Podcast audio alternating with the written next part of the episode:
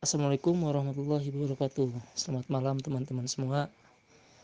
Terima kasih uh, telah ikut di bedah buku kali ini.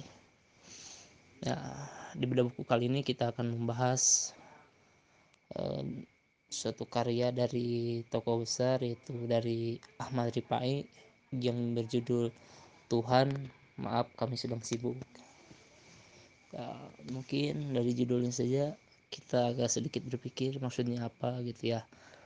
Nah mungkin sedikit hanya catatan gitu.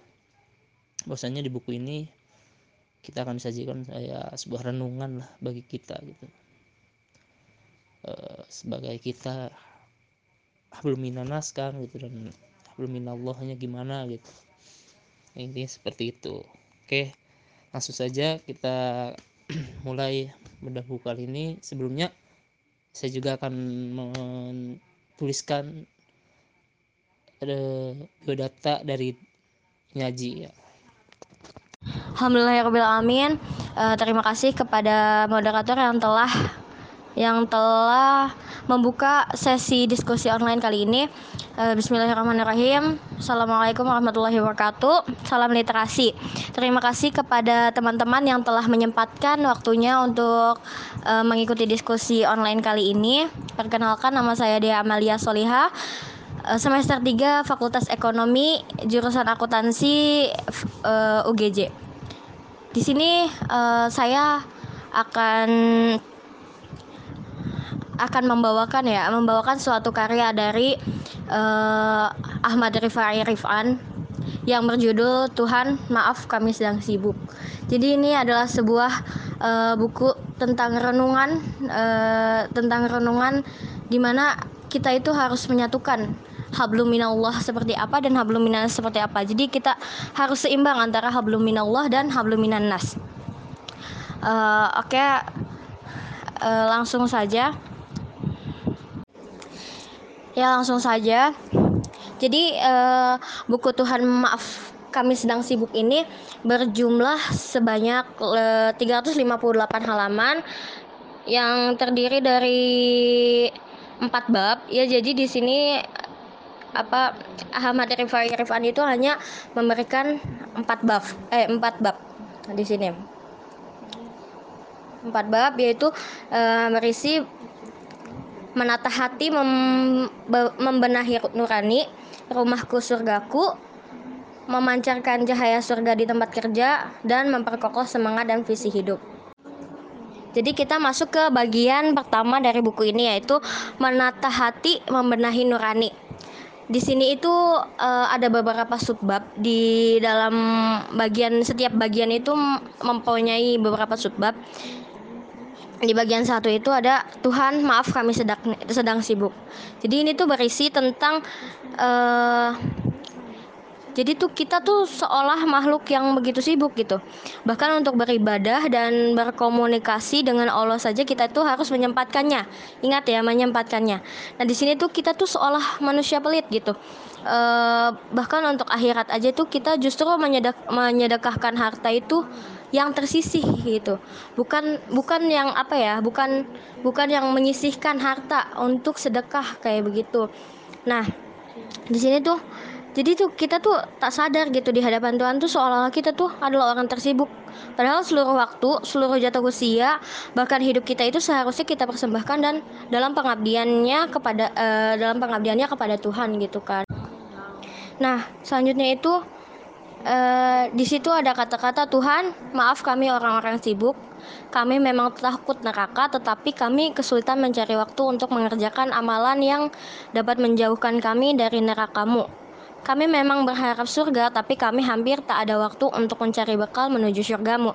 Nah, sebenarnya Tuhan itu uh, Tuhan kita itu maha adil, tetapi kadang kita yang tak adil kepada Tuhan gitu. Uh, ketika ada SMS masuk gitu kan atau WA gitu kan uh, kadang kita tuh cepet-cepet gitu bergegas gitu apa namanya ngebuka nih ini WA dari siapa kayak gitu tuh. Nah uh, sempat ngebaca terus ngebahasnya gitu kan.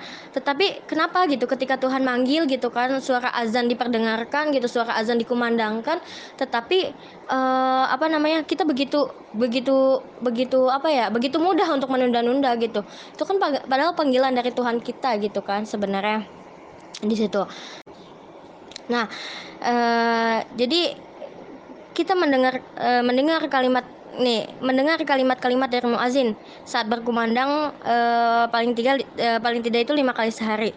Kalimatnya itu yaitu mengajak kita untuk melaksanakan sholat tetapi uh, disusul dengan tawaran kesuksesan. Nah jadi ketika kita mau sukses itu uh, apa ya ketika kita mau sukses itu jadi ya harus harus apa namanya harus sholatnya juga harus sholatnya juga tepat waktu. Bukan sih e, karena sholat itu pertama ya itu tiang agama. Jadi kita tuh utamakan sholat gitu. Jangan jadikan sholat itu sebagai suatu kewajiban.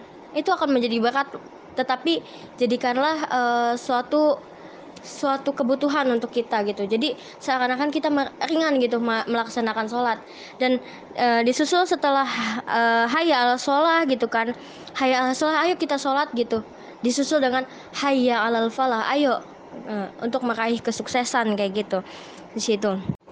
Dan sebab di situ tuh e, Tuhan itu berkata wahai manusia berhentilah dari rutinitas kerjamu atau kuliahmu gitu kan atau kegiatan yang sedang kamu lakukan gitu kan. Istirahatlah sejenak dari kesibukan kesibukanmu kayak gitu kan.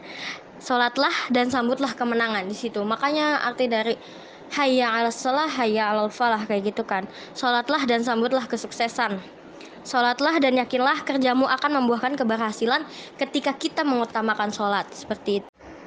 Selanjutnya itu pengadilan Tuhan.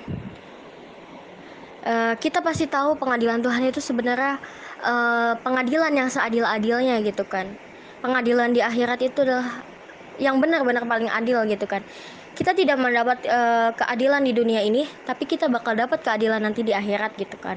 Nah di sini uh, betapa sih uh, betapa malangnya gitu diri diri kita yang ketika di dunia itu begitu disanjung gitu kan dan dipuja oleh sesama.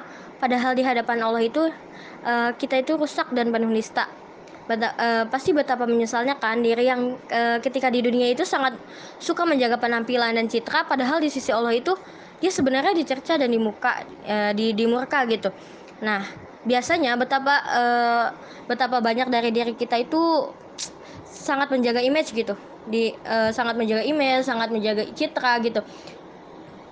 Di depan sesama kita bahkan bahkan kita tuh nggak pernah menjaga image kita, menjaga citra kita di depan Tuhan kita gitu. Nah, betapa seringnya kita juga sebagai manusia itu uh, sangat menjaga diri di hadapan sesama, tapi kita tampilkan diri sebagai pribadi yang sangat sempurna, sangat baik, uh, sangat baik dan penuh wibawa gitu kan. Namun ketika sendiri baru terbongkar itu siapa diri kita sebenarnya kita merasa aman kita merasa tak ada satupun orang yang tahu bahwa kita itu tercela padahal Allah itu maha melihat dan kelak pasti datang satu masa di mana seluruh makhluk itu akan menyaksikan siapa diri kita yang sebenarnya gitu kan. Sebenarnya pengadilan Tuhan kan udah saya uh, udah tadi kan sebelumnya bahwa pengadilan Tuhan itu seadil-adilnya gitu kan. Pengadilan akhirat itu seadil-adilnya. Uh, karena Allah itu maha melihat dan kita itu mempunyai dua malaikat gitu kan yang mencatat amal-amal kita kayak gitu kan. Dan di sini tuh di dalam buku ini tuh dicantumin uh, Quran surat Yasin juga di mana di hari di hari itu di hari kebangkitan uh, apa namanya Allah itu menutup mulut kita gitu kan. Tuhan itu menutup mulut kita gitu. Yang berkata apa? Tangan kita kaki kita gitu kan. Segala anggota tubuh kita uh, kuping kita mata kita di situ ditanyain mata kita apa ngelihat apa gitu kan. Mat, e, kuping kita ngedenger apa tangan kita ngapain aja gitu kan. Kaki kita dibawa ke mana gitu. Dan ketika ketika apa ya ketika di dunia kita merasa kehilangan tuh keadilan gitu kan. Bahkan banyak kan e, fenomena zaman sekarang juga e, emang keadilan itu susah untuk dicari kayak gitu kan tapi pasti keadilan Allah itu keadilan di akhirat itu nyata pasti adil gitu udah terdapat porsinya masing-masing gitu timbangannya masing-masing kayak gitu Nah, selanjutnya itu apa urusanku dengan dunia katanya gitu kan. Nah, gini nih. Di sini tuh uh, di buku ini tuh ada kata-kata yang di apa ya? Ada kata-kata dari Buya Hamka yang yang sebagai berikutnya. Kalau hidup sekadar hidup, babi hutan juga bisa hidup katanya kalau kerja kerja sekadar kerja kera juga bisa kerja gitu kan nah ketidaktenangan jiwa sering kali karena kita tak pernah berhenti membandingkan diri dengan orang lain membandingkan penghasilan jabatan merek HP, kendaraan, rumah, merek tas, pakaian, bahkan popularitas dengan orang lain. Akhirnya jutaan karunia yang Tuhan hadiahkan untuk kita hanya berlalu begitu saja tanpa rasa syukur. Coba, padahal uh, kalau misalkan kita hitung-hitung tuh sebenarnya anugerah Tuhan itu banyak gitu kan uh, nikmat Tuhan uh, nikmat yang Tuhan kasih ke kita itu banyak bila dikalkul dikalkulasikan juga gila itu berapa gitu berapa juta berapa puluh juta gitu kan berapa miliar gitu nikmat Allah yang diberikan kepada kita gitu kan. Dengan apa ya dengan kita membuka mata aja itu kan sudah nikmat dari Allah gitu. Bahwa kita bisa hidup kembali kayak gitu kan. Tapi uh, kadang kebanyakan dari kita itu lupa akan rasa syukur tersebut gitu kan. Jadi di sini tuh dunia itu terus menerus direguk gitu. Bagaikan air laut yang senantiasa diteguk makin rah, uh, makin rakus meminumnya makin hauslah kita dibuatnya. Jadi di dunia ini tuh ketika kita makin rakus ya udah kita makin haus gitu dengan dengan apa namanya dengan dengan kenikmatan dunia gitu. Padahal ada satu yang yang pasti gitu tuh yaitu kenikmatan dan kehidupan di akhirat kayak gitu. Nah di sini uh, apa namanya yang di, di buku ini uh, ada tiga hal yang boleh dibandingkan gitu emang sebenarnya Allah itu apa ya Allah itu memberikan tiga hal yang boleh kita banding-bandingkan dengan orang lain tiga di antaranya itu yaitu ketekunan ibadah yaitu tekunnya seseorang ibadah ketika kita ngelihat ada apa ya ada seseorang yang rajin ibadah, rajin baca Al-Qur'annya, rajin sholatnya, sunahnya jalan gitu kan. Kita uh, apa harusnya mempunyai rasa iri gitu kan. Sebenarnya apa ya? Kita tuh irinya tuh pahala kita belum seberapa gitu kan. Melihat melihat apa ya melihat orang yang seperti itu seharusnya kita sadar bahwa oh iya uh, kita tuh harus berlomba-lomba dalam kebaikan nah itu kayak gitu nah nih uh, besarnya manfaat di sini ketika kita melihat uh, seseorang itu kok kayaknya bermanfaat banget ya buat orang lain uh, kok dia bisa ya kok dia bisa ya apa namanya uh, bay uh, membuat banyak manfaat untuk orang lain gitu. Seharusnya kita di situ iri gitu. Kita sebenarnya bermanfaat nggak sih untuk orang lain gitu kan? Kapan sih kita bisa bermanfaat untuk orang lain kayak gitu kan? Uh, apa namanya di situ harusnya kita merenungi kayak gitu kan? Kita itu hidup di dunia ini tuh harusnya banyak uh, apa namanya beribadah kepada Allah gitu kan? Tetapi kita pun memberi ber, memberi banyak manfaat gitu kepada orang lain gitu Nah, dalamnya dalamnya ilmu di sini gitu kan. Dalamnya ilmu itu kita ngelihat orang itu ilmunya ilmu agamanya bagus banget gitu. Dia punya ilmu banyak gitu. Dia dalam dalam ilmunya gitu kan. Cuman sebenarnya kalau misalkan ilmu gitu tidak dimanfaatkan uh, untuk untuk berbagi ke sesama gitu ke yang lain gitu sama aja ilmu itu tuh cuman sebagai pajangan istilahnya cuman sebagai pajangan doang kayak gitu kan. Uh, sebenarnya kita tuh uh, patut gitu. Uh, iri bukan iri sih kayak membanding-bandingkan nih ilmu kita baru segini nih kita harus banyak belajar. Itu tuh jadi menjadi motivasi kita agar memperbanyak ilmu memperbanyak wawasan kayak gitu.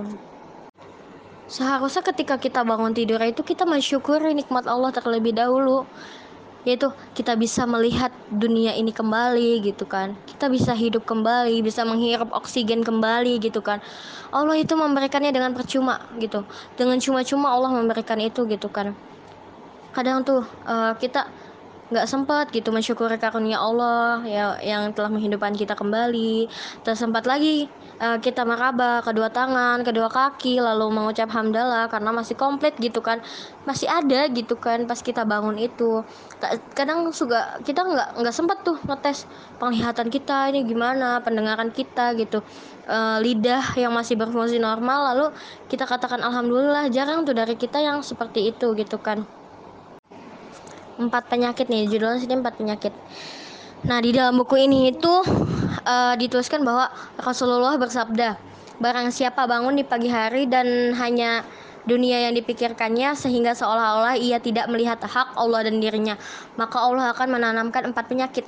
Apa saja itu empat penyakit itu? Yaitu pertama kebing uh, kebingungan yang tiada putus. Yang kedua kesibukan yang tiada berujung. Yang ketiga itu kebutuhan yang tiada terpenuhi. Keempat itu hayalan yang tidak berujung kan betapa banyak dari kita itu ketika bangun tidur itu langsung yang dicari HP kita harus ngeliat HP gitu kan. Ada siapa nih? Pesan dari siapa? WA dari siapa? Kayak gitu ada telepon gak nih dari siapa? Kayak gitu kan. Banyak tuh dari kita kayak gitu nih zaman sekarang. Kita ngeliat media sosial gitu kan membaca status-status gitu. Uh, padahal itu tuh sebenarnya nggak dibutuhin gitu sama kita tuh sebenarnya betapa banyak dari kita juga yang baru bangun tidur yang teringat pertama kali itu tugas kuliah, pekerjaan kantor, berbagai urusan dunia yang lain-lainnya gitu. Nah, di sini ditulis bahwa uh, ketika kita mengingat Allah, percayalah, percayalah Allah yang akan mengurusi segala hidup kita. Allah yang akan memudahkan urusan dunia kita, Allah yang akan mencukupkan uh, kebutuhan hidup kita. Allah tak mungkin menzalimi hamba yang sudah mencintai dan mengabdi kepadanya. Jangan takut uh, nggak kebagian harta gitu. Tenang aja, Allah itu memberi rezeki masing-masing gitu. Harta itu dicari bukan untuk memenuhi ambisi atau nafsu kita gitu kan. Dunia dijemput dalam rangka sebagai bekal menghadapnya gitu. Dunia hanya sarana untuk mena- uh, menggapai bahagia di akhirat jangan hanya karena mengejar sarana kita justru melupakan tuh tujuan kita gitu jangan sampai sarana itu menjadi fokus hidup kita membelok dari yang semestinya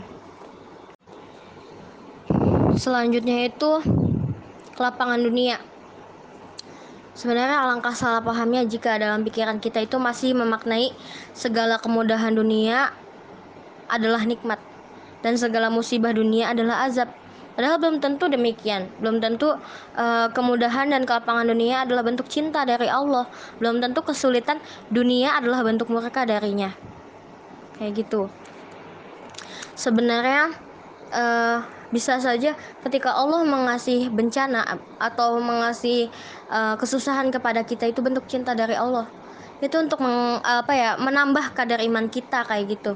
E, bisa aja itu tuh untuk menambah kadar iman kita. Mungkin saja saat itu kita lagi lemah maka sama Allah dikasih uh, ujian gitu dikasih cobaan untuk meningkatkan lagi kadar iman kita gitu kepada Allah. Untuk mengingat terus mengingat Allah gitu kan kayak gitu nah selanjutnya itu naik naik turunnya iman Nah, hubungan timbal balik itu sebenarnya terjadi urutannya bukan hanya ketika iman kita naik, mari kita menjadi tekun beribadah. Tetapi berlaku juga sebaliknya. Ketika kita tekun beribadah, maka di situ juga iman kita sedang naik ternyata.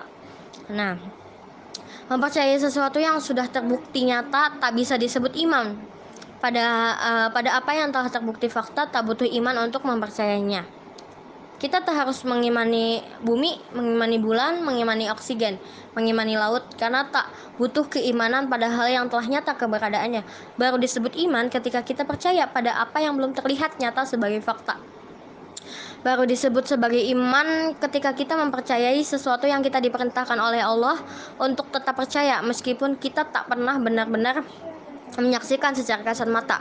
Iman adalah pembenaran yang pasti berdasarkan dalilnya gitu. Uh, bukan berdasar sains dan logika.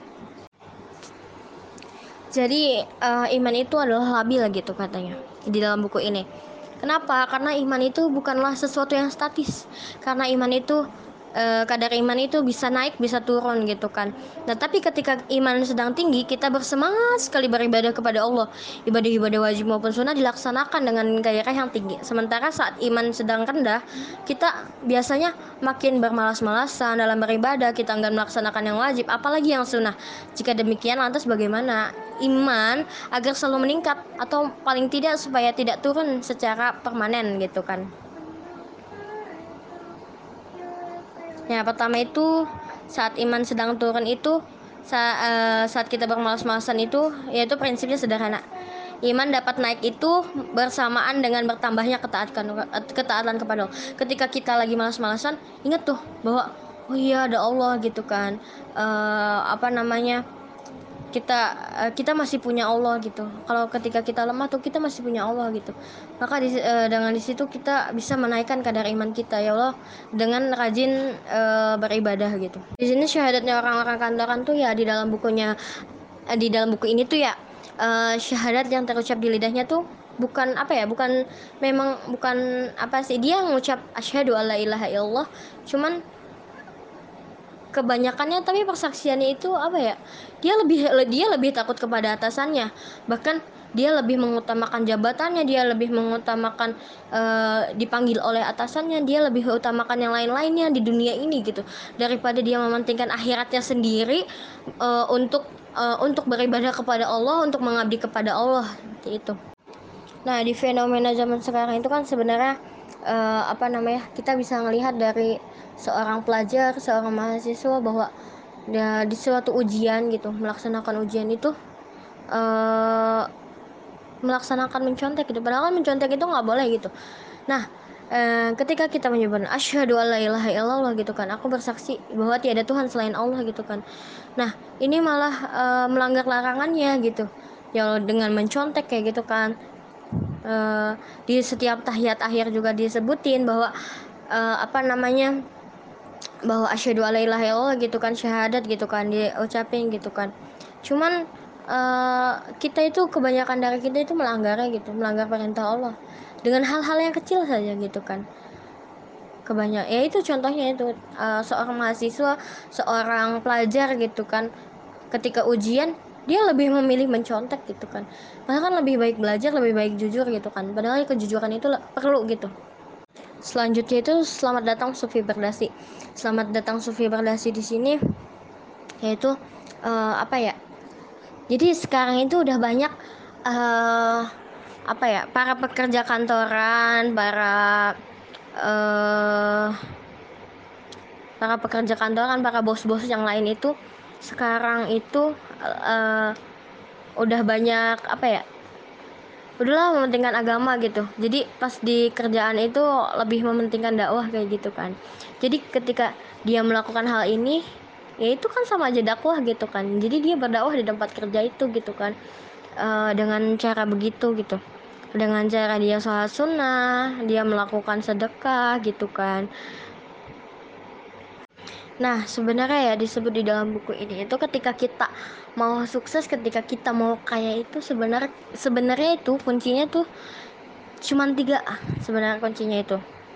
Yaitu lakukan sholat duha sholat tepat eh intinya sholat tepat waktu lah sholat duha gitu melaksanakan sholat zikir gitu kan. Untuk menghiasi eh, setiap omongan-omongan kita dan yang terakhir itu sedekah Nah, the power of sedekah ini yang uh, membuat kita itu kayak Allah itu berjanji akan melipat gandakan. Ketika kita sedekah Allah akan melipat gandakan kekayaan kita.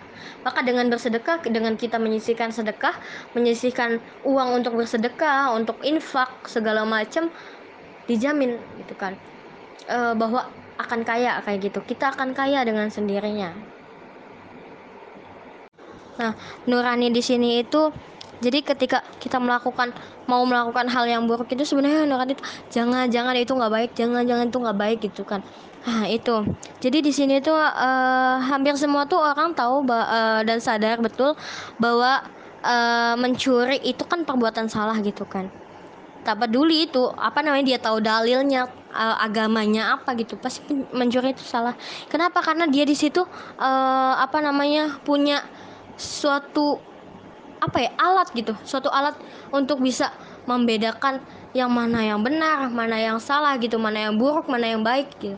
Allah itu telah menciptakan suatu alat yang benar-benar bisa memfilter memfilter tuh memfilter eh, apa namanya yang buruk yang baik yang jahat yang baik kayak gitu tuh. Itu namanya nurani. Kita setiap orang tuh pasti punya nurani. Dan setiap orang itu sadar bahwa uh, mencuri itu hal yang buruk dan uh, bersedekah itu hal yang baik gitu. Sekarang tak, di sini takdir gundul, gak, takdir gundulmu katanya gitu kan.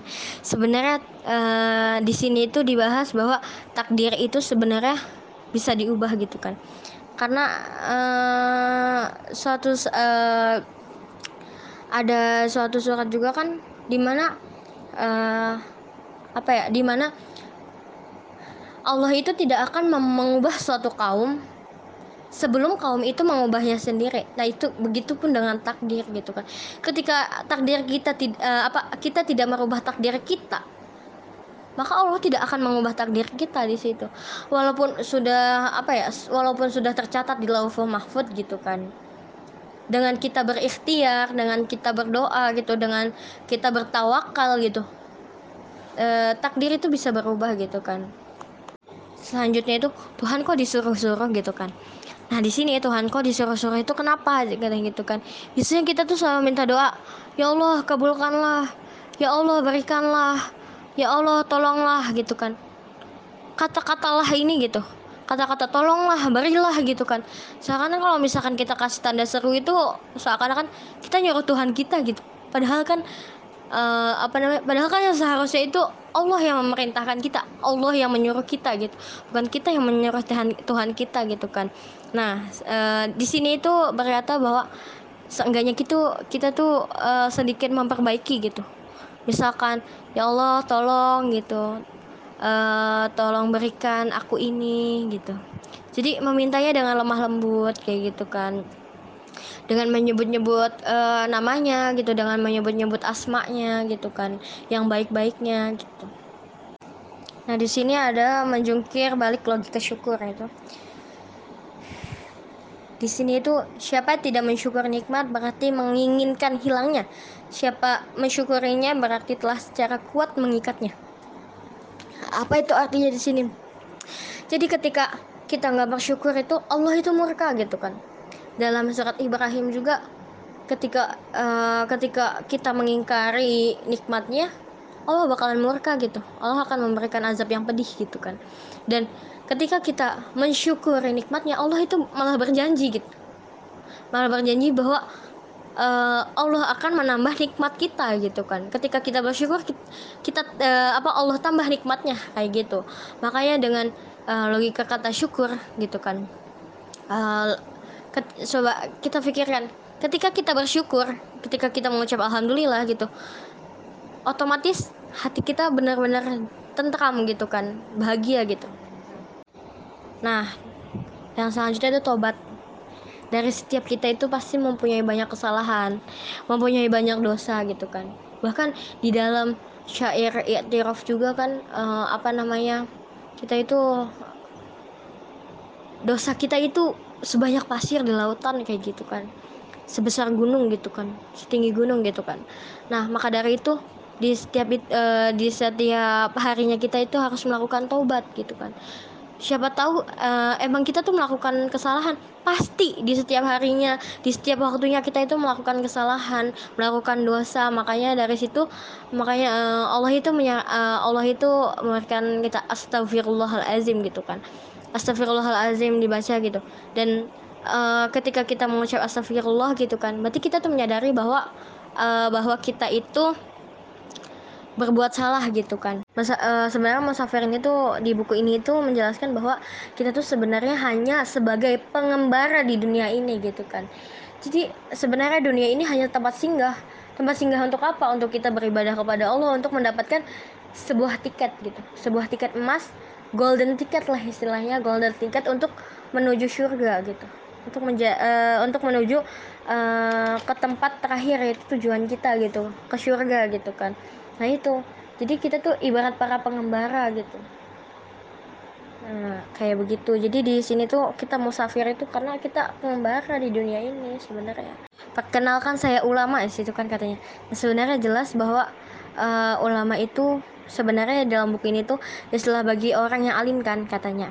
Kita itu biasanya uh, mengartikan itu ulama itu alim. Sebenarnya kata alim itu berarti ilmu gitu kan. Dan ilmu itu banyak beraneka ragam. Telah saya jelas, uh, telah saya uh, apa namanya saya bilang saya katakan sebelumnya bahwa sebenarnya ilmu itu banyak beraneka ragam mau itu ilmu agama mau itu ilmu umum gitu kan semuanya itu turun dari Allah gitu kan eh, apa namanya sebenarnya sebenarnya mau ilmu tafsir mau ilmu fikih mau ilmu ekonomi mau ilmu hukum gitu kan. Itu semuanya sebenarnya kan datangnya dari Allah gitu kan. Sebenarnya nggak ada pembedaan sebenarnya antara ilmu agama dan ilmu umum gitu kan. Kayak begitu. Di sini selanjutnya itu ada demi Allah saya ateis apa itu demi Allah saya ateis gitu kan? Sebenarnya ateis juga itu beriman.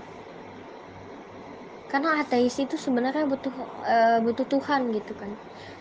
Kita tuh nggak bisa lepas gitu dari kata Tuhan gitu. Kita tuh nggak bisa lepas bahwa kita tuh beranggapan kita nggak butuh Tuhan. Salah itu sebenarnya sebenarnya salah dalam uh, dalam buku ini itu. Kata-kata nggak butuh Tuhan itu sebenarnya uh, sebenarnya cuma di mulut aja gitu. Sebenarnya hati kita itu butuh Tuhan gitu. Kayak gitu. Sekalipun ateis. Ketika ateis itu mempercaya uh, mempercayai bahwa sebenarnya ada Tuhan gitu kan. Sebenarnya di situ juga dia punya iman gitu. Bukan ateis. Ateis itu cuma sebagai sebutan agama mungkin gitu. Nah bagian kedua itu rumah khusus surgaku ya di ini tuh ada standar hidupku gitu kan standar hidupku ini yaitu pertama uh, di standar hidup itu biasanya ada tiga kunci uh, kebahagiaan seorang lelaki gitu kan. Di sini ngebahas tentang lelaki, yaitu istri yang soleha, kendaraan yang canggih, rumah yang kondusif gitu kan. Nah, udah pasti kan uh, kebanyakan lelaki juga pengennya kayak begitu gitu. Tiga kunci itu gitu kan, kepengennya gitu kan, keinginannya seperti itu gitu. Nah, kayak gitu.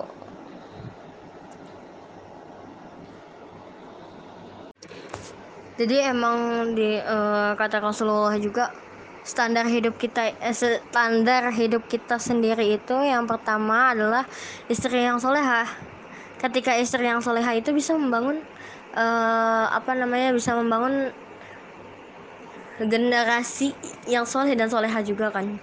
Terus yang kedua itu kendaraan nah ini kendaraan itu tuh bisa mengantar ke mana pun pergi gitu. Apa pun apa pun itu. Kendaraan apa pun itu. Nah, terus yang itu tuh rumah yang lapang damai penuh kasih sayang. Nah ini tuh yang paling penting. Karena tempat kembalinya seorang muslim adalah rumah yang damai. Kayak gitu. Sekarang menjungkir balik ke logika nikah. Kan Uh, jika Anda sudah merasa gelisah, jika pada malam-malam sepi yang mencekam tidak ada teman yang mendampingi, inilah saatnya bagi Anda untuk menikah. Jika Anda sudah mulai tidak tenang saat sendirian, itulah saatnya Anda perlu hidup berdua. Sekarang kalau misalkan ditanyain tuh laki-laki uh, apa ya kok belum dikasih sampai sekarang? Pasti bilangnya uh, masih belum mapan lah uh, nanti anak uh, istri saya dikasih makan apalah gitu kan. Sebenarnya itu tuh persepsi yang salah sebenarnya gitu. Di dalam buku ini bahwa sebenarnya itu ketika ketika kita sudah siap gitu kan. Ketika uh, ketika kita sudah siap gitu. Menikahlah gitu. Itu untuk menjaga uh, untuk menghindarkan fitnah gitu kan. Menikah dan ketika menikah itu Allah memberi rezeki dari mana pun dari sebelah mana pun dan turun dari uh, dari sela-sela mana pun kayak gitu. Nah selanjutnya kesetiaan. Sebenarnya kesetiaan di dalam ikatan pernikahan itu perlu ketika kita saling percaya pasti di situ ada kita saling setia kayak gitu kan. Nah, di sini tuh ikatan pernikahan adalah ikatan sakral yang tak bisa dibuat main-main. Tradisi kawin cerai bukanlah tradisi yang dimaklumi dalam kehidupan keberagamaan kita gitu kan. Nah, di situ tuh uh, apa sih kita bisa berpikir bahwa kadang banyak aja orang yang ya Allah masalahnya sedikit uh, mas uh, punya masalah nih penat banget dalam rumah tangganya tiba-tiba cerai gitu kan. Sebenarnya cerai itu jalan yang dihalalkan Allah tapi paling dibenci Allah gitu kan. Karena ketika kita cerai gitu kan itu mengikuti nafsu syaitan kayak gitu. Makanya makanya uh, kalau se setidaknya kita masih bisa merubah atau masih bisa menyelesaikannya selesaikanlah. Jangan selesaikannya dengan cara cerai seperti itu. Nah selanjutnya itu baiti janati uh, kan Allah memerintahkan nikah sebagai ikatan suci dua manusia yang saling mencinta bukan hanya untuk menghalalkan aktivitas itu ada tujuan agung yang hendak didapat juga di situ. Nikah itu menjadi pelindung kehormatan, pengokoh iman dan penjaga ketaatan. Juga dikatakan bahwa menikah itu seba, uh, separuh dari agama ya kan di situ. Nah, di sini baiti janati, baiti janati itu ketika ketika kita uh, sudah menikah atau kita punya keluarga gitu kan, sebenarnya tempat yang paling indah gitu, tempat yang tempat yang nyaman untuk pulang adalah rumah gitu. Makanya uh, apa namanya orang muslim itu selalu uh, menyatakan bahwa rumahku ini adalah surgaku gitu.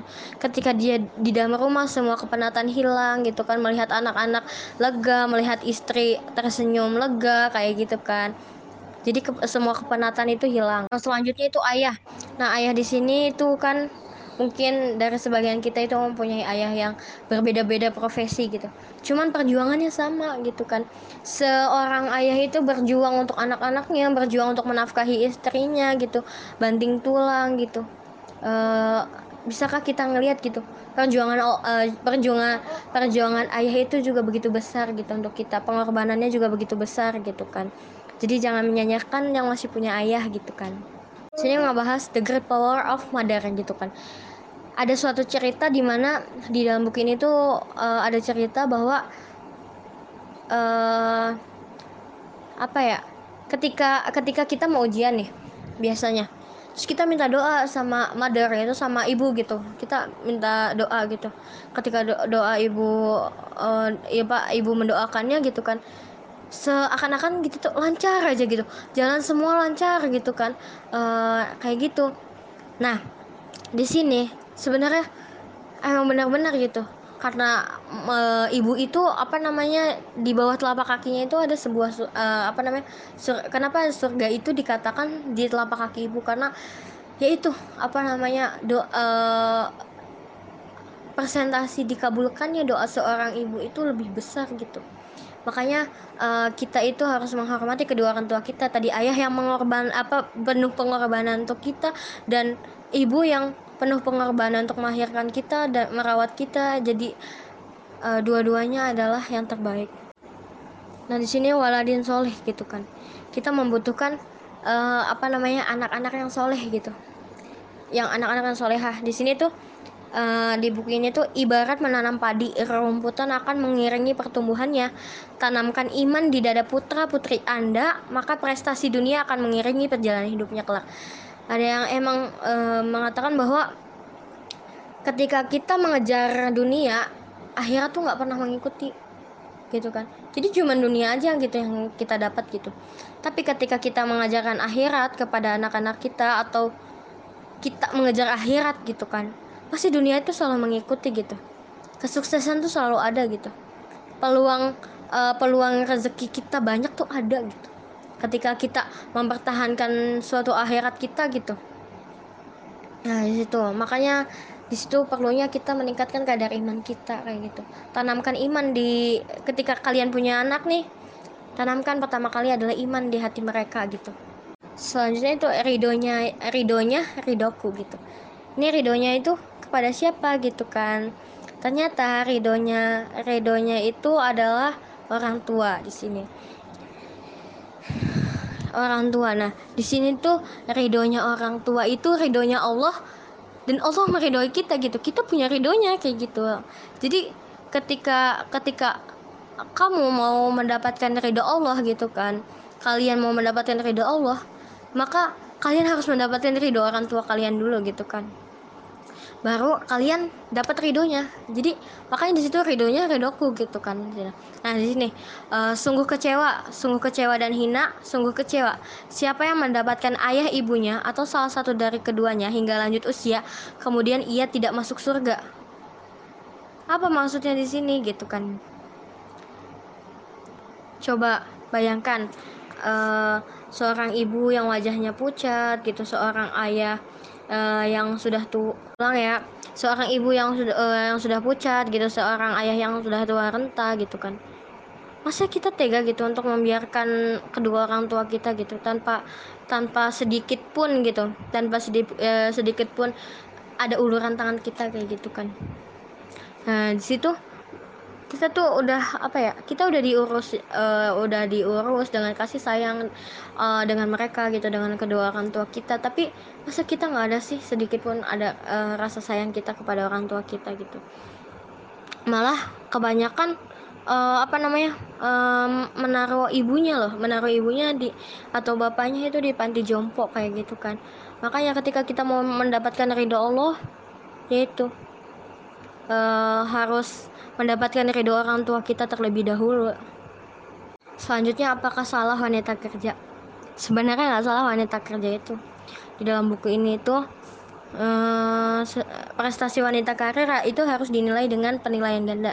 Di tempat kerja ia berprestasi dalam berkarir, di rumah juga dia sukses menempatkan diri sebagai istri dan ibu.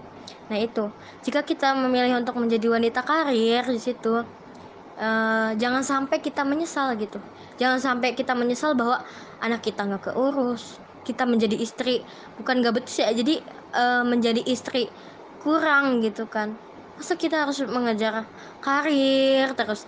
Ketika sebenarnya ketika kita berkarir kita berprestasi di tempat karir kita seharusnya kita bisa menempatkan juga bahwa anak-anak uh, tuh butuh kita butuh seorang ibu gitu kan dan apa namanya dan seorang suami itu butuh seorang istri gitu untuk uh, melayani dan apa ya dan mengurusi mereka kayak gitu. Jadi nggak salah sebenarnya wanita berkarir itu di situ. Selingkuh. Ini selanjutnya selingkuh ya ya harap ya, diingat bahwa selalu uh, bahwa perselingkuhan itu adalah cara telak untuk menurunkan harga diri anda terkait kesuksesan karir ada lelucon klasik di sebelah lelaki sukses ada seorang wanita yang mendampingi dan wanita itu pasti istrinya. Tapi di samping lelaki gagal itu ada seorang wanita juga tetapi dia bukan istrinya. Selanjutnya tetangga. Nah, membahas tentang tetangga ini di sini itu uh, yaitu teladan uh, apa ya teladan dari Rasulullah. Ketika Rasulullah itu pernah bersabda tetangga itu uh, seorang apa tetangga itu yaitu 40 rumah 40 rumah dari rumah kita. Mau di sebelah kanan sebelah kiri depan atau belakang. Nah, itu semua tetangga kita. Dan ada sesama tetangga adalah ketika ketika tetangga itu ketika tetangga itu sakit kita menengoki gitu kita memberi perhatian kepada tetangga tersebut kayak gitu kan.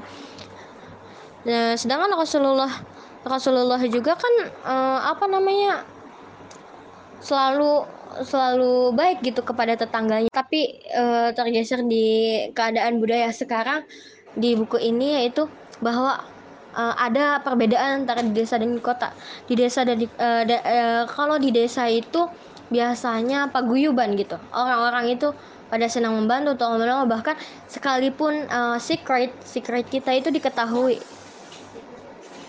secret itu diketahui oleh uh, apa namanya oleh diketahui oleh masyarakat desa gitu. Tetapi kalau kalau di kota itu biasanya sendiri-sendiri gitu. Apalagi di perumahan pagi kerja malam pulang kerjanya itu malam gitu kan nggak pernah ngobrol sama tetangga satu sama lain makanya di kota itu e, termasuknya misah-misah gitu bersama tetangga itu nggak ada akurnya gitu. Bukan nggak ada akurnya tidak saling mengenal bahkan gitu kan. Yatim membahas yatim di sini itu jangan dipikir kita itu mampu menolong anak yatim. Karena sungguh di hadapan Allah mereka lah yang justru menjadi penolong hebat bagi kehidupan kita. Kenapa? Karena uh, anak yatim itu ibaratnya ya kita memelihara anak yatim. Tetapi sebenarnya itu anak yatim itulah yang memberikan kita rezeki. Karena ketika anak yatim itu berdoa gitu kan uh, Allah akan cepat mengabulkan anak yatim tersebut gitu kan. Nah seperti itu. Makanya jangan pernah berpikir kalau misalkan ah kita yang nolong anak yatim nih kita kasih makan kita segala macam. Iya itu udah udah sebenarnya itu udah kewajiban kita terhadap anak yatim kayak gitu kan. Nah uh, uh, ketika itu kan ketika kita memberikan kebaikan seperti itu beli uh, mereka juga memberikan kebaikan kepada kita yaitu berdoa kepada Allah gitu kan makanya dari situlah kita ditambah rezekinya oleh Allah gitu Nah, sini memancarkan cahaya surga di tempat kerja, jihad dalam kubikel. Jadi jihad itu sebenarnya di sini itu dibahas jihad itu ada dua. Jihad itu uh, ada jihad dan kotal di dalam uh, dan kital di dalam Al-Qur'an itu jihad jihad ini bisa berbagai macam gitu kan. Ket, uh, di setiap profesi di, di setiap profesi itu pasti berbeda-beda jihadnya gitu kan. Uh, contohnya itu jihad uh, dokter. Jihadnya itu yaitu untuk menolong pasiennya gitu kan. Dan uh, kital kital itu bahasa yang jihadnya itu emang jihad untuk peperangan kayak gitu. Di sini kebahasnya dan di sini ngebahas the miracle of assalamualaikum. Sungguh emang ajaib banget gitu kan. Assalamualaikum itu kan terdiri dari assalam Assalamualaikum warahmatullahi wabarakatuh yaitu di situ itu terdapat ada tiga doa di situ. Assalamualaikum keselamatan bagimu warahmatullahi itu uh, rahmat gitu kan. Rahmat uh, semoga Allah memberikan rahmat untukmu wabarakatuh semoga Allah memberikan barokah kepadamu. Nah, itu emang ajaib banget uh, Assalamualaikum itu karena di situ terdapat tiga doa itu gitu kan. Nah, lowongan dicari orang jujur nih. Indikasi kesuksesan adalah kebahagiaan. Lalu dari mana bisa memperoleh kebahagiaan itu? Tentu saja salah satunya itu dilihat dari kejujuran dalam meraihnya. Makanya uh, di mana-mana itu pasti perusahaan atau lowongan pekerjaan itu mencari orang yang jujur. Kenapa? Karena ketika ketika kita menerapkan jujur di situ kita mendapatkan kebahagiaan, mendapatkan uh, mendapatkan ya, mendapatkan kesuksesan gitu, mendapatkan kesenangan gitu kan. Dengan jujur itu uh, apa namanya ekonomi bisa teratasi.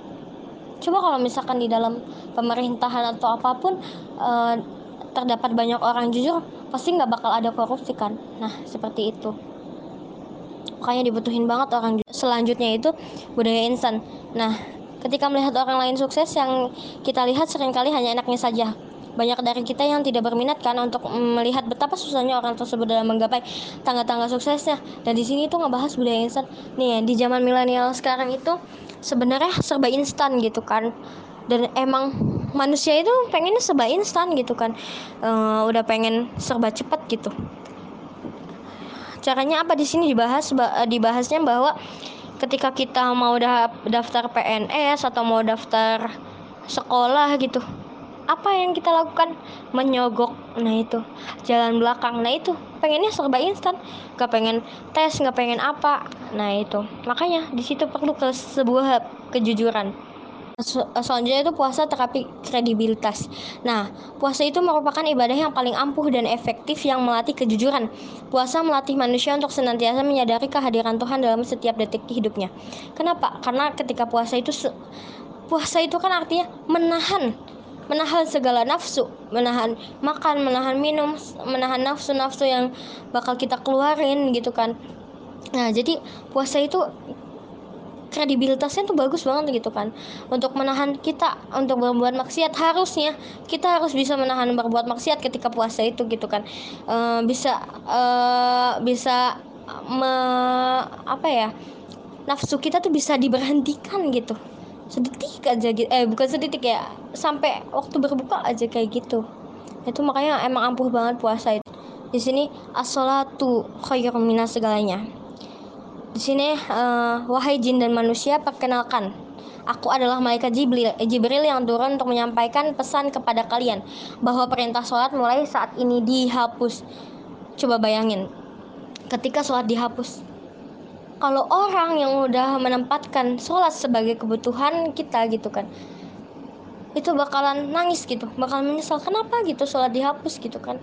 E, bahwa sholat itu sebenarnya kebutuhan kita gitu. Sholat itu apa? Menenangkan diri kita gitu. Sholat itu bisa e, membuat kita berolahraga so, bisa segala macam kayak gitu kan. Nah kayak gitu kalau misalkan orang yang uh, sholatnya cuma sebagai kewajiban menggugurkan kewajiban berat kayak gitu pasti dia akan senang gitu. Sholat di sholat dihapuskan gitu kan. Karena ya dia berat sih menjalankan itu gitu kan. Selanjutnya kenapa di sini? Cie sarjana nih gitu kan. Kenapa? Karena sarjana itu sekarang itu sangat diagung-agungkan.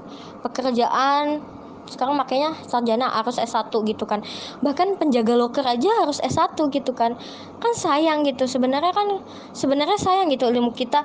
S1 itu bisa ditempatin di mana gitu. Misalkan ke kita S1 ekono eh, S1 ekonomi itu akuntansi dia bisa ditempatkan di akuntansinya di auditnya atau di pajaknya gitu kan enggak enggak menjadi jaga loker gitu nah yang lulusan SMA baru bisa yang jaga loker gitu jaga apa pun gitu kan jaga perpustakaan bisa kan yang dilakukan kayak gitu zaman sekarang nyarinya tuh S1 itu uh, sekarang prinsipnya tuh S1 itu untuk mencari kerja, mencari duit, bukan mencari ridho Allah kayak gitu. Nah, ini uzlah. Emang ada perbedaan pendapat mengenai konsep uzlah ini. Kitab-kitab lampau lebih memaknai uzlah itu sebagai tindakan mengisolir diri dari keramaian manusia. Sehingga dalam kisah ulama masa lalu kita sering kali membaca banyak ulama yang sengaja mengasingkan diri dari manusia untuk menghindari kemudorotan dalam pergaulan. Sebut saja uh, Sufyan As-Sawari, Ibrahim bin Adam, Al-Fudail dan lain-lain ya kan yang memilih menyepi dan per, eh, dari pergaulan manusia hujah kelompok ini antara lain sebagai berikut. Suatu ketiga uh, ada seorang sahabat yang bertanya kepada Rasulullah, "Ya Rasulullah, siapakah orang baik itu?" Kemudian Rasulullah menjawab, "Orang yang berjihad dengan diri dan hartanya, orang yang berada di sebuah celah bukit untuk beribadah kepada Robnya dan meninggalkan manusia karena kejahatannya." Nah, di sini ngebahas time is my life ada yang dalam waktu 24 jam itu mampu mengurus negara, jutaan orang atau aneka perusahaan raksasa dengan ratusan ribu pegawai, tapi ada yang dalam 24 jam e, mengurus diri saja tidak mampu gitu kan. Sekarang kita harus renungin gitu. Sekarang 24 jam kita itu e, dipakai untuk apa gitu? Sebenarnya kan e, waktu itu lebih tajam gitu daripada pedang kayak gitu. Kenapa? Ketika satu menit aja kamu e, apa ya? Kalian menyia-nyiakan ya udah waktu itu nggak bakal bisa balik lagi kan kayak gitu makanya time is my life gitu kan time nah, kenapa gitu kenapa orang yang udah difonis penyakit berat gitu penyakit uh, apa ya penyakit berbahaya dia itu memanfaatkan waktu sebaik-baiknya karena dia ingat kematian. Nah, dari situ kita juga harus benar-benar mengingat kematian gitu untuk memanfaatkan sebaik-baiknya waktu kita karena kematian itu pasti Selanjutnya itu kayak Nah, capailah kekayaan diri itu agar imbasnya bisa memberi kemanfaatan sebanyak mungkin bagi umat itu yang penting katanya gitu kan. Nah, makanya ketika kita kaya itu sebenarnya harusnya kita bermanfaat untuk orang lain gitu kan. Jangan mikir kita udahlah miskin aja nggak apa-apa gitu kan untuk beribadah banyak kepada Allah. Sebenarnya enggak gitu. Uh, seorang muslim itu harusnya kaya gitu agar bisa membantu sesamanya dan bisa bersedekah berinfak banyak gitu untuk membantu kemaslahatan umat kayak gitu itu bahagia. Nah, orang termiskin yang aku ketahui adalah orang yang tidak mempunyai apa-apa kecuali uang. Sebenarnya uh, yang membuat kita bahagia itu sebenarnya uang ya, gitu kan. Tapi uang itu didapat uh, dari mana kayak gitu kan? Yaitu kita dengan kita bersedekah, maka kita tambah kaya di situ kan. Makanya uh, ketika sebenarnya bahagia itu porsinya masing-masing gitu kan. Tapi yang paling banyak orang mah uh, bahagia itu ya karena uang gitu. Kurang sedikitnya itu karena uang kayak gitu. Ada kontribusi itu tak seba, uh, tak sekedar prestasi. Jadi kontribusi itu nggak harus prestasi gitu kan. Kamu kerja keras kamu apa pun itu uh, itu adalah sebuah kontribusi kontribusi itu banyak kayak gitu. Nggak harus prestasi gitu kan. Uh, contohnya di sini itu kayak uh, apa ya emang apa ya kontribusi kontribusi itu banyak sebenarnya. Uang ataupun apa pun itu kan sebenarnya kontribusi gitu kan. Jadi nggak harus prestasi aja gitu.